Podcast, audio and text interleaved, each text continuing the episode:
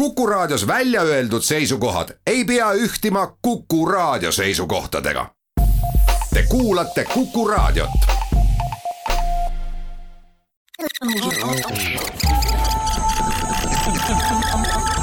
digitund, digitund, digitunni tulevikulahendused ja 5G toob sinuni Telia head Digitunni kuulajad, meil on sügav suvi käes ja erinevalt kõikidest eelmistest suvedest me vaatasime äh, Hansuga Digitunni äh, sellist tavalist uudiste listi ja leidsime, et uudiseid on väga vähe.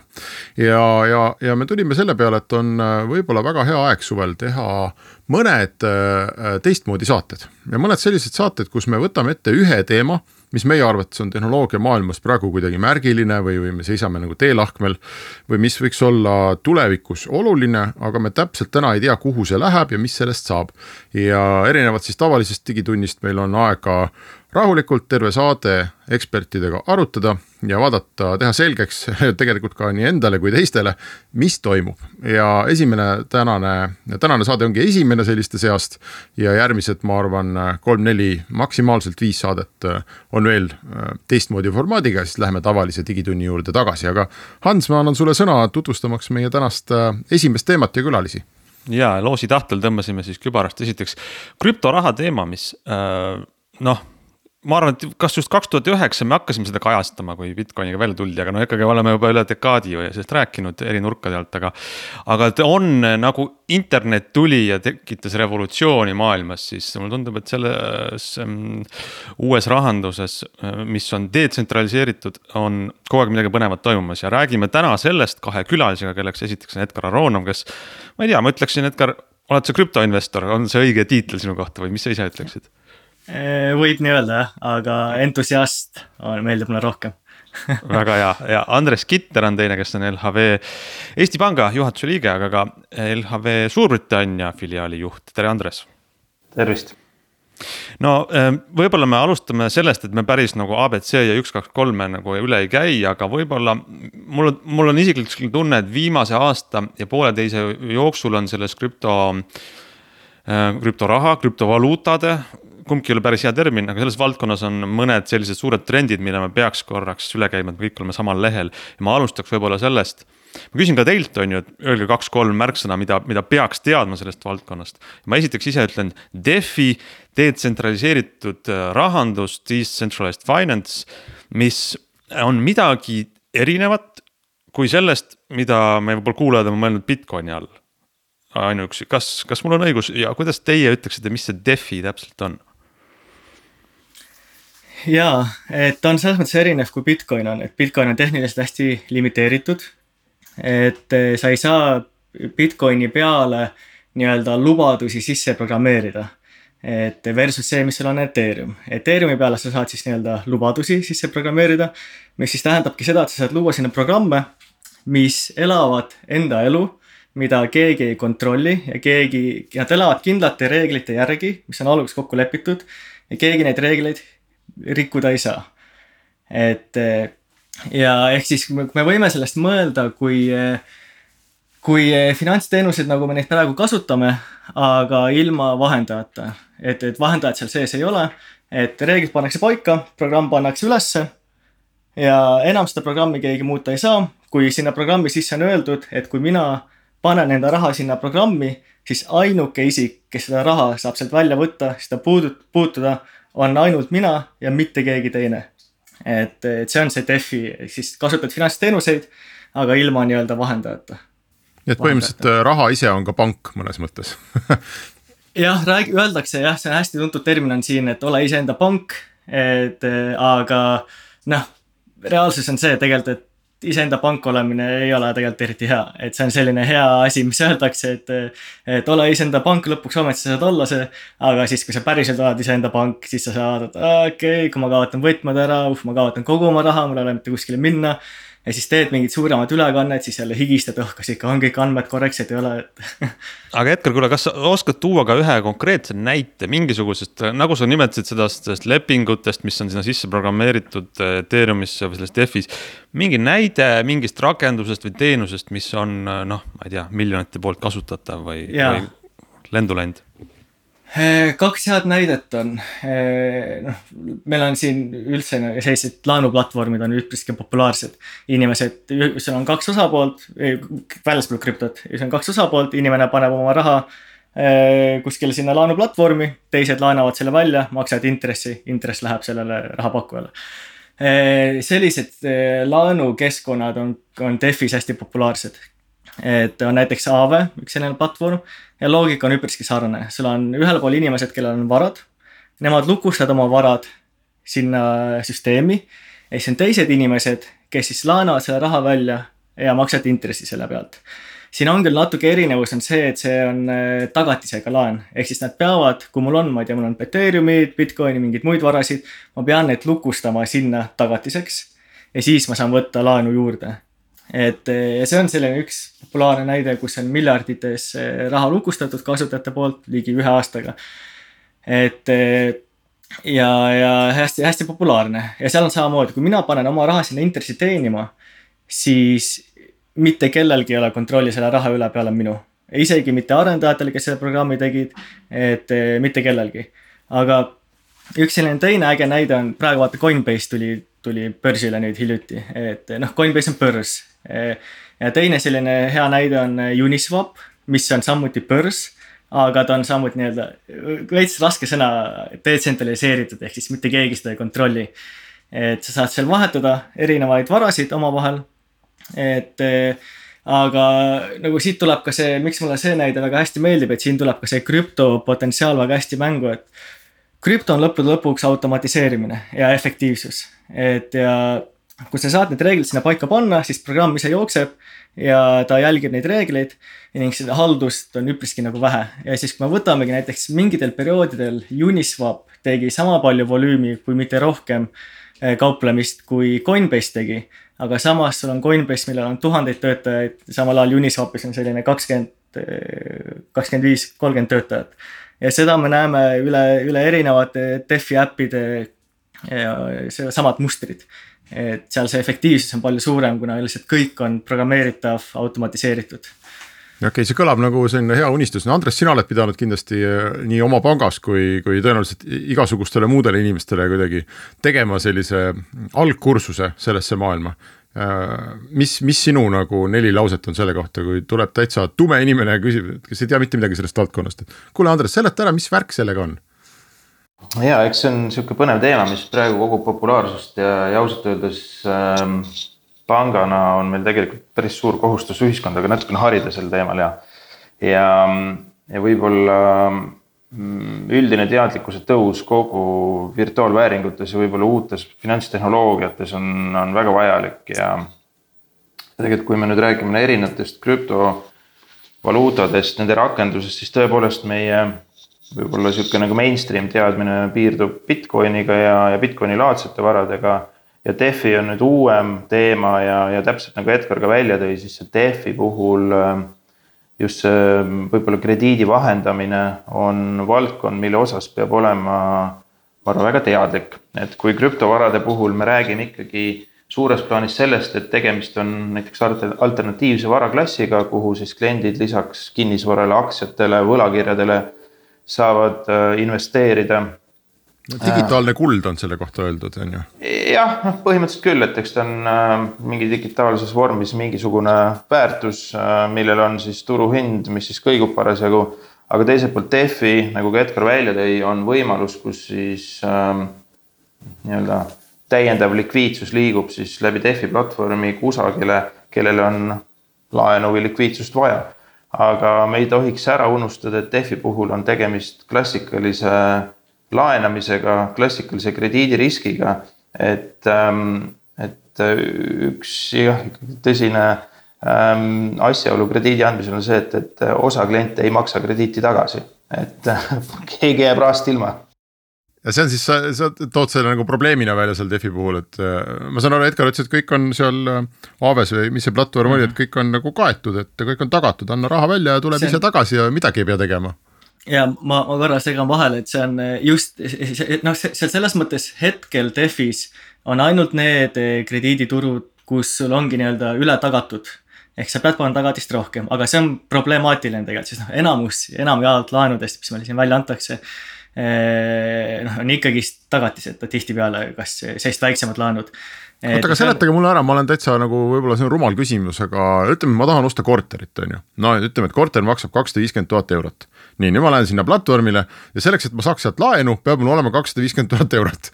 siis ma panen selle sinna, ütlen, aa, mul on kakssada viiskümmend tuhat eurot, aga ma ei taha selle eest korterit osta. aga ma annan selle teile, andke te mulle vastu, mis, ma ei saa aru sellest no selles mõttes mingis mõttes jah, aga lihtsalt üldjuhul need, kes sinna need tagatist panevad, on ikkagi smooth investeeringud, ehk siis üks näide siin võib olla see, et sul on hunnik aktsiaid.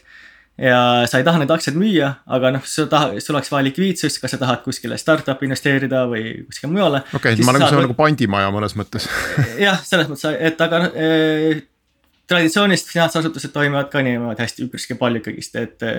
et samuti ka kinnisvaraga, sa paned selle kinnisvara tegelikult tagatiseks, noh, nii-öelda mõnes mõttes et aga see on, see on tegelikult problemaat-, proovitakse hästi pikalt praegu lahendada seda, et ka kuidagi saaks tagatiseta laene välja anda. seda on juba suudetud teha protokolli, proto-, protokollide vaheselt, aga mitte nagu inimeste vahel. okei okay., ma, ma arvan, me peame siia tegema äh, pausi ja siis läheme kohe jutuga edasi.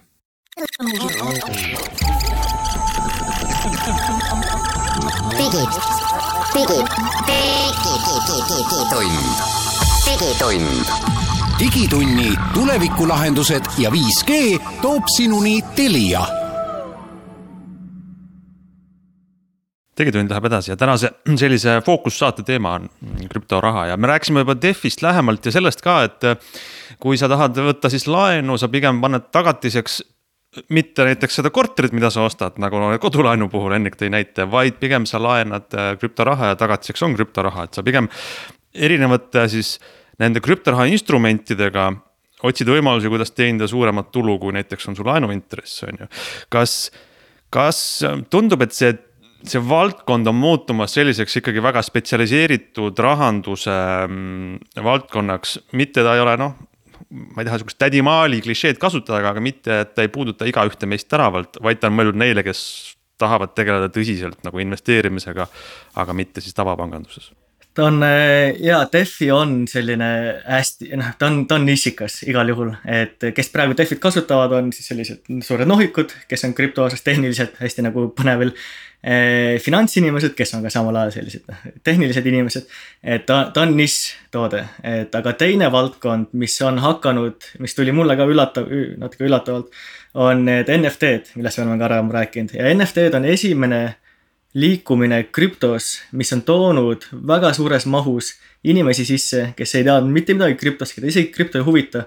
ja nad kasutavad seda, et ja see, ja see on läinud väga palju populaarsemaks, kui Defi on läinud ja toonud palju rohkem uusi inimesi sisse, et. et jah, Defi ise on selline pigem jah nišš hetkel veel. okei okay,, aga Andres, ütle mulle, selles mõttes minul ei ole ühtegi münti kuskil digitaalselt on ju, no ei ole kuidagi ei ole nii nohik ja ei ole nii finantsinimene, et viitsiks tegeleda.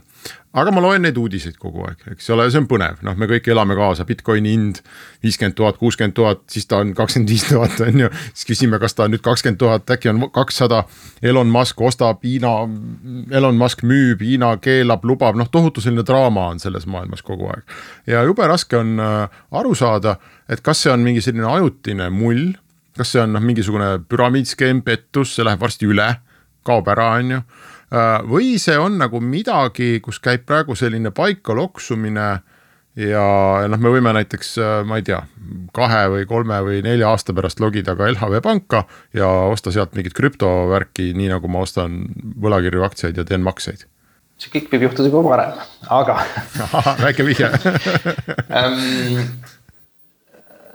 meil finants, reguleeritud finantsmaailma inimestel on hästi paha komme hästi ruttu jõuda regulatsioonini ja, ja tegelikult ma arvan, ma ikkagi pean natukene siin regulatsioonist rääkima, et ähm, see kõik, mis sa kirjeldad, Hendrik, on väga õige, see turg on hästi volatiilne.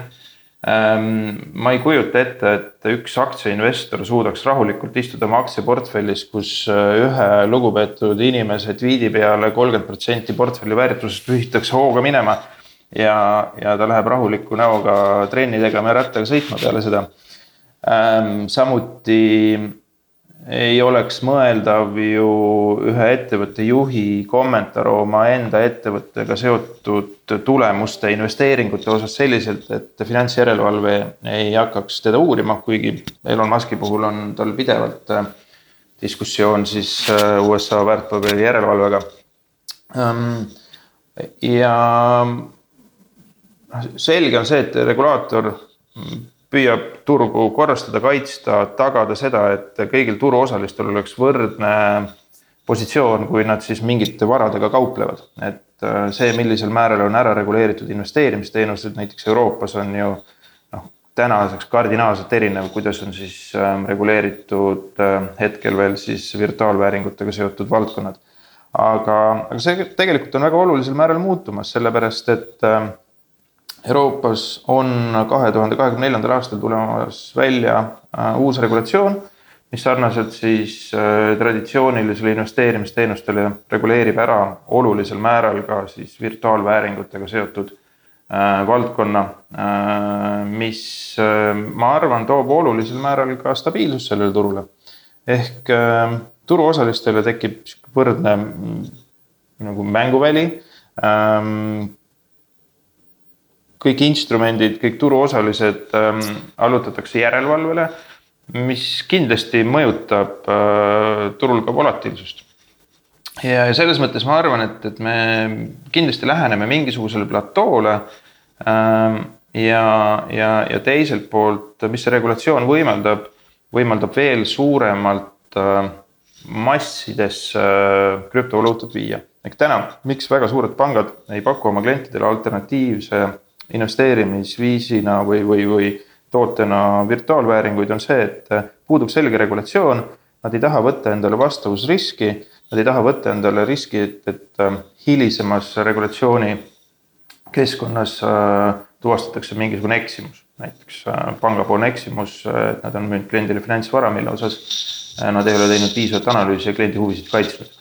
Ja kui see regulatsioon tuleb, siis ma olen täitsa veendunud, et iga mõistlik investeerimisteenustele suunatud pank pakub oma kliendile alternatiivset äh, investeerimistoodetena virtuaalvääringut aga kas siin ei puutu teie arvates, siin ei ole sihuke suur olemuslik konflikt, et no Andres, sa mainid selle pildi tegelikult, mis tundub väga usutav, et. edasiseks kasvuks peab tulema, see on reguleeritud, stabiilne, sul olema järelevalve selle valdkonna üle. ja siis läheb see veel suurematesse massidesse ja teisest küljest, miks ta on niimoodi kasvanud globaalselt praegu, on selle detsentraliseerituse tõttu, selle reeglite puudumise tõttu, selleks, et äh, seda kõike reguleerib ainult programmkood, millest nagu need teenused koosnevad ja miski muu, on ju, Edgar.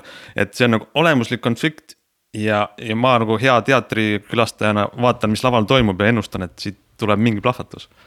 ma korra kommenteeriksin sedasama küsimust, et eh, on ka hästi suur vahe eh, tihtipeale, et kas me räägime reguleeritusest eh, ettevõtetele kes hoiustavad inimeste raha, kes pakuvad neid teenuseid vahendajana.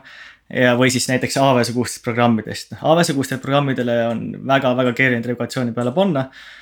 et ja noh, ma ise ei tea ka, kuhu see täpselt välja viib, aga noh, kui me võtame näiteks Coinbase'i konkurendi Binance nemad opereerivad siis sellisel hallil alal. Coinbase on siis täiesti nagu, nad on kindlustatud, nad on, vastavad igale regulatsiooni tingimustele. siis seal on Binance, kes on kuskil Maltal, seal hallil alal, nad kuskil riigis ei resideeru päriselt. Ja noh, ja Binance pakub näiteks eh, sajakord, saja kahe, eh, oli vist saja kahekümne viie kordset võimendust. põhimõtteliselt ükskõik, kas sa tead finantsist mitte midagi ei tea, lähed platvormi, paned ID-kaardi ülesse ja, ja ostad Bitcoini saja kahekümne viiekordse võimendusega. aga mingi jama tuleb, mis siis saab, siis nad tulevad siis mingid Malta siuksed tõsiste nägudega Malta tüübid mustades ülikondades tulevad mulle ukse taha. Ei tule, nad lihtsalt võtavad su raha ära sind lihtsalt likvideeritakse ära selles mõttes.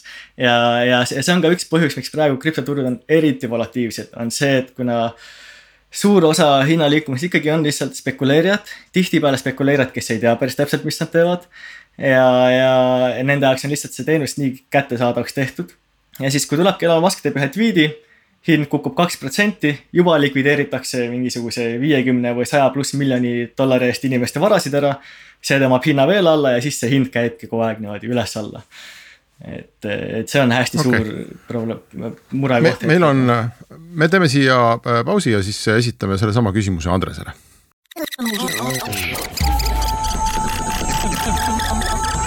digitund digitund. digitunni tulevikulahendused ja 5G toob sinuni Telia digitund läheb edasi ja me jäime pooleli väga põneva koha peal selles osas, et ähm, kas, kas siia pole sisse programmeeritud sihuke konflikt, mis on selle vahel, et, et ühest küljest selle valdkonna nagu laiemaks levikuks meil on vaja regulatsiooni ja stabiilsust ja teisest küljest praegu seda kõike ähm, kasvatab ja suurendab äh, nende teenuste populaarsust ja levikut just see, et nad saavad levida noh, reeglite puudumise tõttu, et nad on detsentraliseeritud, et ainukene, mis neid piirab, on, on tarkvara ja kood. et, et kas see on võimalik, et need kaks suunda kuidagi üksteisega kokku käivad? ja, ja kui me kuulsime Edgari puhul seda head ähm, selgitust, Andres, kuidas sina näed seda traditsioonilise panganduse poole pealt? ma julgen prognoosida, et turg hakkab ennast ise reguleerima ja, ja see tururegulatsioon, äh, iseregulatsioon tekib läbi selle, et äh, tekib väga suur vahe reguleeritud institutsioonide ja, ja hallis alas toimetavate institutsioonide vahel. ehk siis seesama Binance'i näide, mm, mis enne ka kõlas äh,, ilmselt hakkab iseloomustama ka seda äh,, milliseid valikuid uued investorid oma platvormi osas tegema hakkavad ähm, lisaks äh, on ikkagi nii-öelda traditsioonilisel finantsil täna väga oluline roll äh, vähemalt vahenduslülina äh, likviidsuse sissevoolul krüptomaailma. ehk siis selleks, et Coinbase'i platvormilt osta Bitcoin'e, on sul tegelikult vaja sinna raha kuidagi esmalt saada. ja kuna seda ühenduslüli kontrollivad põhimõtteliselt reguleeritud pangad, siis ma julgen väita, et Äh, hallis alas tegutsevatele platvorm, platvormidele ei ole ükski finantsasutus valmis varsti enam teenuseid pakkuma. ja sellega me tegelikult reguleerime ära ja tagame selle, et, et regulatsioonid, mida riigid siis, siis rakendavad, jõustuvad ka mõistlikult. kindlasti siin on teatud määral äh, kasu olnud äh, kogu virtuaalvääringute kasvul just sellel reguleerimatusel ja, ja, ja võib-olla sellisel positiivsel anarhismil ja, ja, ja finantsmaailma vastuseismisel. aga ma arvan, et nüüd täiskasvanuks saamisel ja sihukesel järgmises arenguetapis kindlasti on vaja rohkem regulatsiooni. ka sellepärast, et tagada investorite kaitse, kes sellel turul toimetavad. et ma kujutan ette, et kui turg, kus ei ole regulatsioone ja investorid kaotavad raha ähm, lasta kasvada, siis pikas perspektiivis tekib usalduskriis. Aga see, Andres, toimib teistpidi ka, on ju, et sa ütlesid, et, et pangad kontrollivad seda ühenduslüli, et ma ei saa võtta noh, mingisugust nii-öelda musta päritolu raha ja, ja kanda seda Coinbase'i ja öelda, et nüüd mul on hupsti järsku kuskil Bitcoinid, mis, mis, mille ma ise kaevandasin. aga ähm, väga vähe, ütleme, et pangad kontrollivad ka seda, et kuidas ma sellest äh, Bitcoinist või mis iganes coin'ist äh, saan raha tagasi ehk et mul võib olla tohutu hulk äh, mingit virtuaalset raha, aga kui ma ei saa maju ja autosid osta selle eest, siis on sellest väga vähe kasu. Äh, nõus, aga praktikas on see, et, et ka platvormid ise kontrollivad väga, ehk siis Coinbase'i laadsed äh, börsid, teenusepakkujad kontrollivad väga aktiivselt, kuidas sulle need Bitcoinid on tekkinud. ehk siis ähm, üha rohkem hakkavad mõne, võrdsustama need äh, reeglid, äh, riskihindamise meetodid, mis on tavapanganduses näiteks rahapesu tõkestamise ja, ja kliendi vara päritolu kontrollimise osas rakenduvad ka tegelikult virtuaalvääringuse blockchain'i peal. ehk siis Coinbase täna tegelikult väga aktiivselt vaatab, kuidas sulle tegelikult ähm, see virtuaalvara on tekkinud. kui sa oled selle saanud kusagilt Silk Roadist või muust kahtlasest kohast, siis ma julgen väita, et Äh, seda raha äh, Coinbase'i wallet'isse sa kanda mitte kunagi ei saa. ja, ja see kontroll tõesti toimib mõlemat pidi, jah no ühesõnaga reputatsioon ikkagi nagu loeb ja üha rohkem hakkab lugema. Äh, mõnes mõttes me peame siin korraks puudutama ka seda olukorda, et kui keegi, kes seda valdkonna kohta uurib, loeb, kuulab.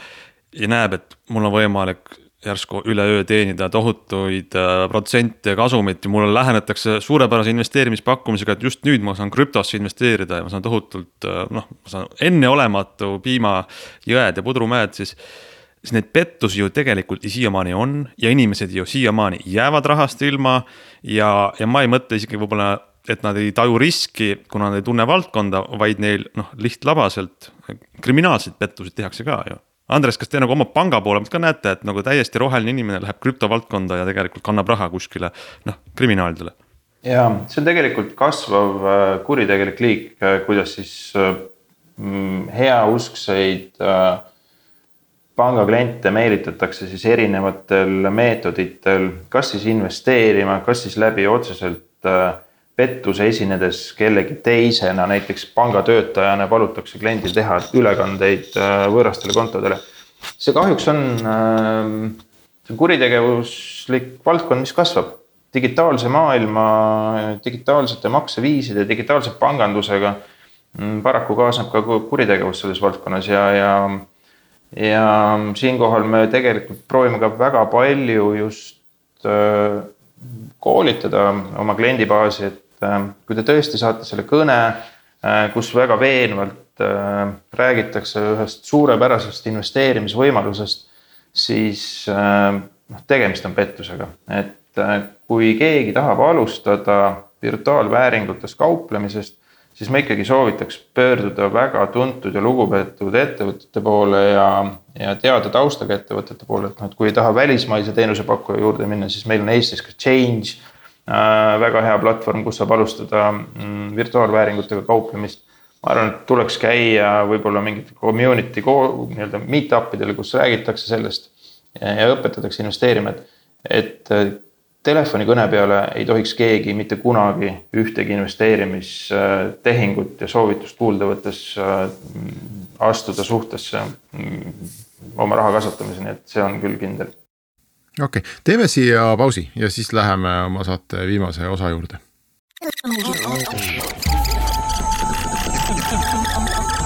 digitund, digitund, digitund. Digitunni tulevikulahendused ja 5G toob sinuni Telia digitund jätkub ja meil on täna äh, krüptoraha teema ning äh, Edgar Aronov ja Andres Kitter on külas. Ähm, räägime, rääkige mulle, härrased, sellest, et kui ma nüüd mõtlen oma elu peale mõne aasta pärast. Mm, kas see krüptovärk on minu kui tavalise kodaniku elu osa kuidagi, noh et, et täna minu finantselu osa on noh, ma ei tea, mul on äh, pangakaart, eks ole, konto, toimivad mingid maksed, mul on eluasemelaen, mul on teatud äh, mingeid investeeringuid, on ju, aktsiaid, võlakirju, mul on pension, noh, need on need minu nagu finantstooted. kas minu kui tavalise inimese ellu see krüpto tuleb äh, või te arvate, et ta jääb ikkagi sellise finants, ma ei tea, pioneeride nagu maailma Edgar, võiks sinust alustada? siin peab jah eristama, kas krüptos on mitu erinevat valdkonda, nii finantsteenused kui ka siis eh, mitte finantsteenused. noh, praegu on NFT-d on selline esimene hästi selge lahendus, aga minu lihtne vastus siin oleks, et eh, kahe aasta pärast ma pakun, et võib-olla veel mitte et eh, aga pikemas plaanis ma olen väga veendunud selles küll, et lihtsalt see on praegu noh, kogu see DeFi liikumine ka, see tegelikult kõik on selline noh, kaks aastat maksimum vana et eh, see on nii noor turg veel. et ma jah, asjad liiguvad siin, arengud liiguvad siin väga kiiresti, aga ma natukene kahtlen, et kahe aasta pärast nii-öelda tavainimene seda nii-öelda igapäevaselt hakkab kasutama. aga siin tuleb ka oluline ka mõista see, et eh, kõik, kuidas int-, eh, krüpto on põhimõtteliselt andmete vahet, andmete töötlemise, vahetamise nii-öelda süsteem ja me oleme praegu, kui me käime internetis, meil on Facebookis andmed, isikuandmed, Twitteris e, emailides et eh, see kõik läheb tegelikult selle valdkonnaga kokku, et eh, ehk siis ma arvan, et võib-olla esimesed sellised asjad, mida me igapäevaselt hakkame kasutama, ei ole võib-olla mitte DeFi, sellised tooted, vaid pigem igapäevased internetis, interneti kasutus selline. ja kus ongi siis näit-, näiteks kui sa praegu Ethereumis DeFi, DeFi platvormi hakkad kasutama. Sa ei pea enda emaili lisama, sa ei pea siis kontost tegema, vaid sinu kontoks on äh, see Ethereumi võti, nagu, nagu Eesti, Eestis on meil ID-kaart. sul on ID-kaardi peal privaatvõti olemas, sul on krüptos samuti privaatvõti, et. ja, ja ma saan ühe selle, ühe selle enda kontoga nii-öelda ühe enda ID-kaardiga sisse logida kõikidesse erinevatesse platvormidesse. ma annan neile õiguse enda andmeid kasutada ja, ja kui ma tahan, ma saan selle õiguse tagasi võtta.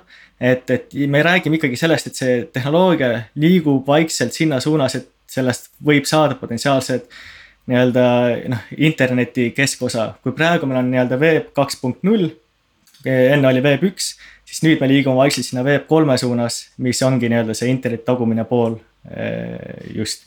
et see andmete haldamine ja kasutus muuta rohkem nii-öelda noh. see on päris äge visioon, et mina, mina olen minu raha et minu raha räägib teiega eh, Andres, mis sina arvad, kas eh, paari-kolme aasta pärast keskmine LHV panga klient omab mingit ühendust krüptomaailmaga või, või veel mitte? ma arvan, et see on suuresti valikute ja, ja sihukese nagu finantskäitumise küsimus, et me hindame, et meil täna Eestis on umbes kolmkümmend tuhat äh, krüptovaluuta investorit kokku. noh, seda numbrit on väga raske kokku panna, sest et sihukest tsentraalset kohta ju ei ole ähm, ma arvan, et kahe aasta pärast äh, iga pank, kes pakub oma kliendile vähegi ägedaid, modernsemaid investeerimistooteid, äh, omab selles portfellis ka ähm, teatud hulka krüptovaluutasid äh,, krüpto virtuaalvääringuid.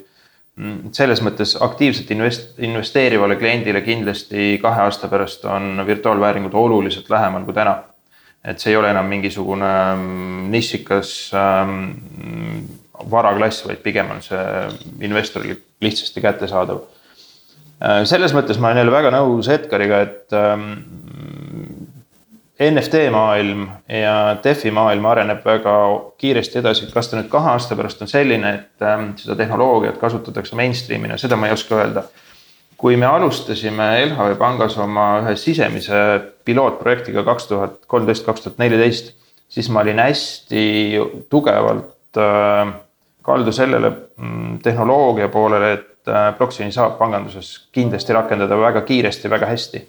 paraku ei ole ühtegi suurt projekti äh, blockchain'i peale mm, panganduses tegelikult ju tekkinud. et et äh, võib-olla see DeFi, võib-olla NFT on midagi, äh, mis seda muudab. aga võib-olla see kaks aastat on natuke liiga lühike ajahorisont, et see jooks päris mainstream'i, et ma ikkagi näeks pigem järgmise kahe aasta jooksul äh, virtuaalvääringut kui alternatiivne investeerimisklass. ja pigem siis see tehnoloogia tuleb võib-olla natuke hiljem aga kas mitte, kas te usute, et teeb hoopis julge sammu selline konservatiivne asutus nagu Euroopa Keskpank ja ütleb, et meil on nüüd ka sihuke digitaalne euro tulemas.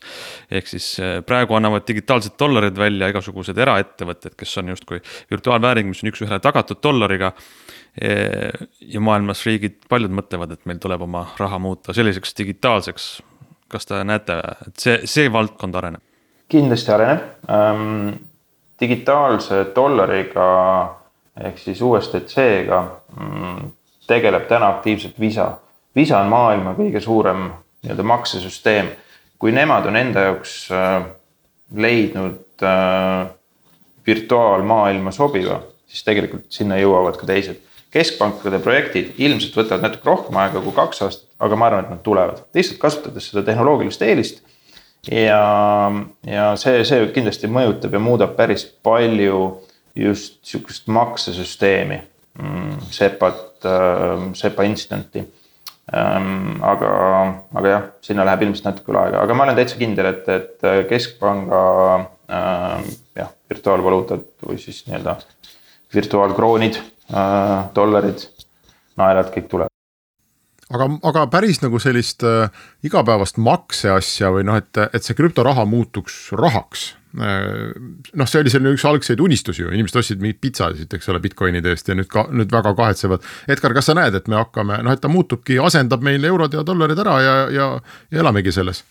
Äh, jah, see võib-olla ei ole kõige populaarsem võib-olla arvamus, aga mina ma ei, mina ei näe krüptot selles valdkonnas, ma ei näe, et krüpto tuleb, et nüüd ma üks hetk euro kaob ära või USA dollar kaob ära näiteks, mida palju räägitakse, et. ja siis me hakkame Bitcoinides asju maksma. et mina ei näe seda mitte mingil kujul ja minu arust see väärtus. no esiteks tegu on volatiivse, volatiivse varaga, sa ei saa volatiivset vara kasutada kui nagu maksevahendina. no, no het, hetkel veel jah, hetkel veel mitte jah, inimesed ei taha lihtsalt kasutada volatiilset raha maksevahendina, aga teine pool on ka see, et mina näen siin see pigem selles tehnoloogias ja see, mida, mida, mida programmeeritav raha võimaldab ehitada. mina näen selles väärtust ja ma usun, et see ehitab meie, meie finantsinfrastruktuuri palju efektiivsemaks, võimaldab palju uusi lahendusi. aga see, et kas me hakkame Ethereum, eetris või Bitcoinis midagi maksma, mina ütleks pigem, et pigem ei ja see võib-olla ei olegi üldse nagu oluline küsimus, et me, me, me oleme, ma ise tunnen, et ma olen sinuga nõus, Edgar, et siin on nagu vist midagi tulemas, on ju ja, ja aga me ei tea, mis see on ja me ei tea, mis see on sellepärast, et, et neid asju ei ole kunagi varem tehtud ja me ei oska neid ette kujutada, on ju, et noh, et me praegu võtame selle maailma, mida me teame, ehk et noh, ma lähen nüüd varsti päevapraadi ostma, on ju, maksan, okei okay.. et noh, seda ma oskan ette kujutada. aga et ma nagu panen hobusele rooli külge ja pedaale, et, et noh, et tegelikult leiutatakse mingi täiesti uus asi. et ma mäletan, kui ma lugesin äh, kuidas nagu interneti, need noh, suured internetifirmad alguse said, üheksakümnendate alguses. noh, kõik oli võimalik, aga keegi ei teadnud, mis see nüüd siis on, mida me peaks selle tehnoloogiaga tegema. ja noh, siis on ju, keegi pani omale töökoha laua alla tiksuma arvuti, kus jooksis eBay, noh, sest tal ei olnud paremat mõtet, on ju. ja noh, see, see võitis aga iga, iga nagu eBay kohta on mingisugune sada või ma ei tea, kümme tuhat projekti, mis ei võitnud, et. et mulle tundub, et siin krüptos on praegu või noh, et selles valdkonnas on nagu see aeg, kus kõik nagu ootavad, et vist tuleb midagi. aga keegi ei tea, mis see on, ma ei tea, kas olete te nõus, Andres ja Edgar, minu sellise seisu, lähenemisega? ja ma, ma ütleks seda sellisena, et krüpto on kui selline hästi suur liivakast, kogu see innovatsioon ja see liivakast on nii suur, et sa ei näe ühest liivakasti otsast teise liivakasti otsa isegi ja, ja seal mingi hetk tekivad sellised väikesed eh, liivalossid tekivad ülesse ja siis sul mingid asjad hakkavad muutuma natuke nagu aru saa-, natuke ilmselgemaks. noh, NFT on üks ehe näide, DeFi on üks, on teine ehe näide. reaalsus on see, et sellises varajases faasis innovatsiooniga sa ei näe, sa ei saagi tegelikult ette kujutada kõiki neid asju, mis, mis siin tekib, et eh, üks ehe näide on, mis hiljuti, mis mul sellise näite tegi, oli nii-öelda flash laenud, sellised välklaenud, mis te tekkis ka selline toode, mida tavafinantsmaailmas nagu niimoodi isegi oskaks nagu ette kujutada. ja välklaenu sisu on see, et iga inimene, kes oskab Ethereumi programmeerimiskeelt, suudab võtta laenu kümnetes miljonites dollarites ilma tagatiseta, ilma, ilma enda isiku kindlaks tegemiseta. kui ta suudab programmile tõestada, et ta saab selle kümne sekundi pärast tagasi maksta. ja see tõestamine näiteks, see tõestamine, ma kohe ütlen hästi lihtsa näite. tõestamine tähendab seda, et sul on see Uniswap börs, ütleme sul on mingi teine börs. ja siis sa programmeerid selle koodi, näed, et ma tahan osta ühte token'it. Uniswapis see token maksab kümme dollarit siin teisel börsil see token maksab kaheksa dollarit ja siis ütled talle, et anna mulle kakskümmend miljonit dollarit laenu. ma ostan siit börsilt kaheksaga, ma müün siin kümnega maha ja siis Ethereum kohe va vaatab üle, ahah, kui palju on seda sügavust. kas see on ikka seal see kogus, kõik kogused olemas ja kui on, ta annab sulle selle kakskümmend miljonit dollarit laenu. ja siis kõik käib automaatselt, ostab ära, müüb maha, maksab laenu tagasi, ülejäänud summa jääb sulle tagasi. ülejäänud summa jääb sulle alles et noh, näiteks selline mõtlemine, et iga inimene, kes oskab Ethereumi arenduskeelt, eh, suudab endale kümneid miljoneid laenu võtta, kui tal on, eh, kui ta leiab turult mingi ebaefektiivsuse ja ta saab seda teha. et see on ka selline üks asi, mida noh, mida mina oleks ette kujutanudki, et see muutub nagu tegelikult nagu nii lihtsaks. et eh, see on selline võib-olla üks selline hea näide ka selles osas okei okay,, meie saateaeg on läbi, jube põnev teema on ja ma hea meelega räägiks veel kaks tundi teiega sellest ja iga kord, kui ma kajastan ajakirjanikuna seda teemat, siis mul on tunne, et ma sain nagu millimeetri jagu lähemale sellele, mis, mis see tegelikult kõik on, aga kohale kunagi ei jõua. nii et ma arvan, et meil on põhjust uuesti seda saadet teha, aga aitäh kõigile kuulajatele, aitäh osalejatele ja digitund on järgmise sügava teemaga eetris nädala aja pärast.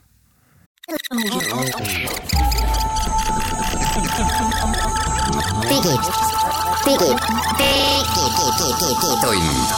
digitund digitunni tulevikulahendused ja 5G toob sinuni Telia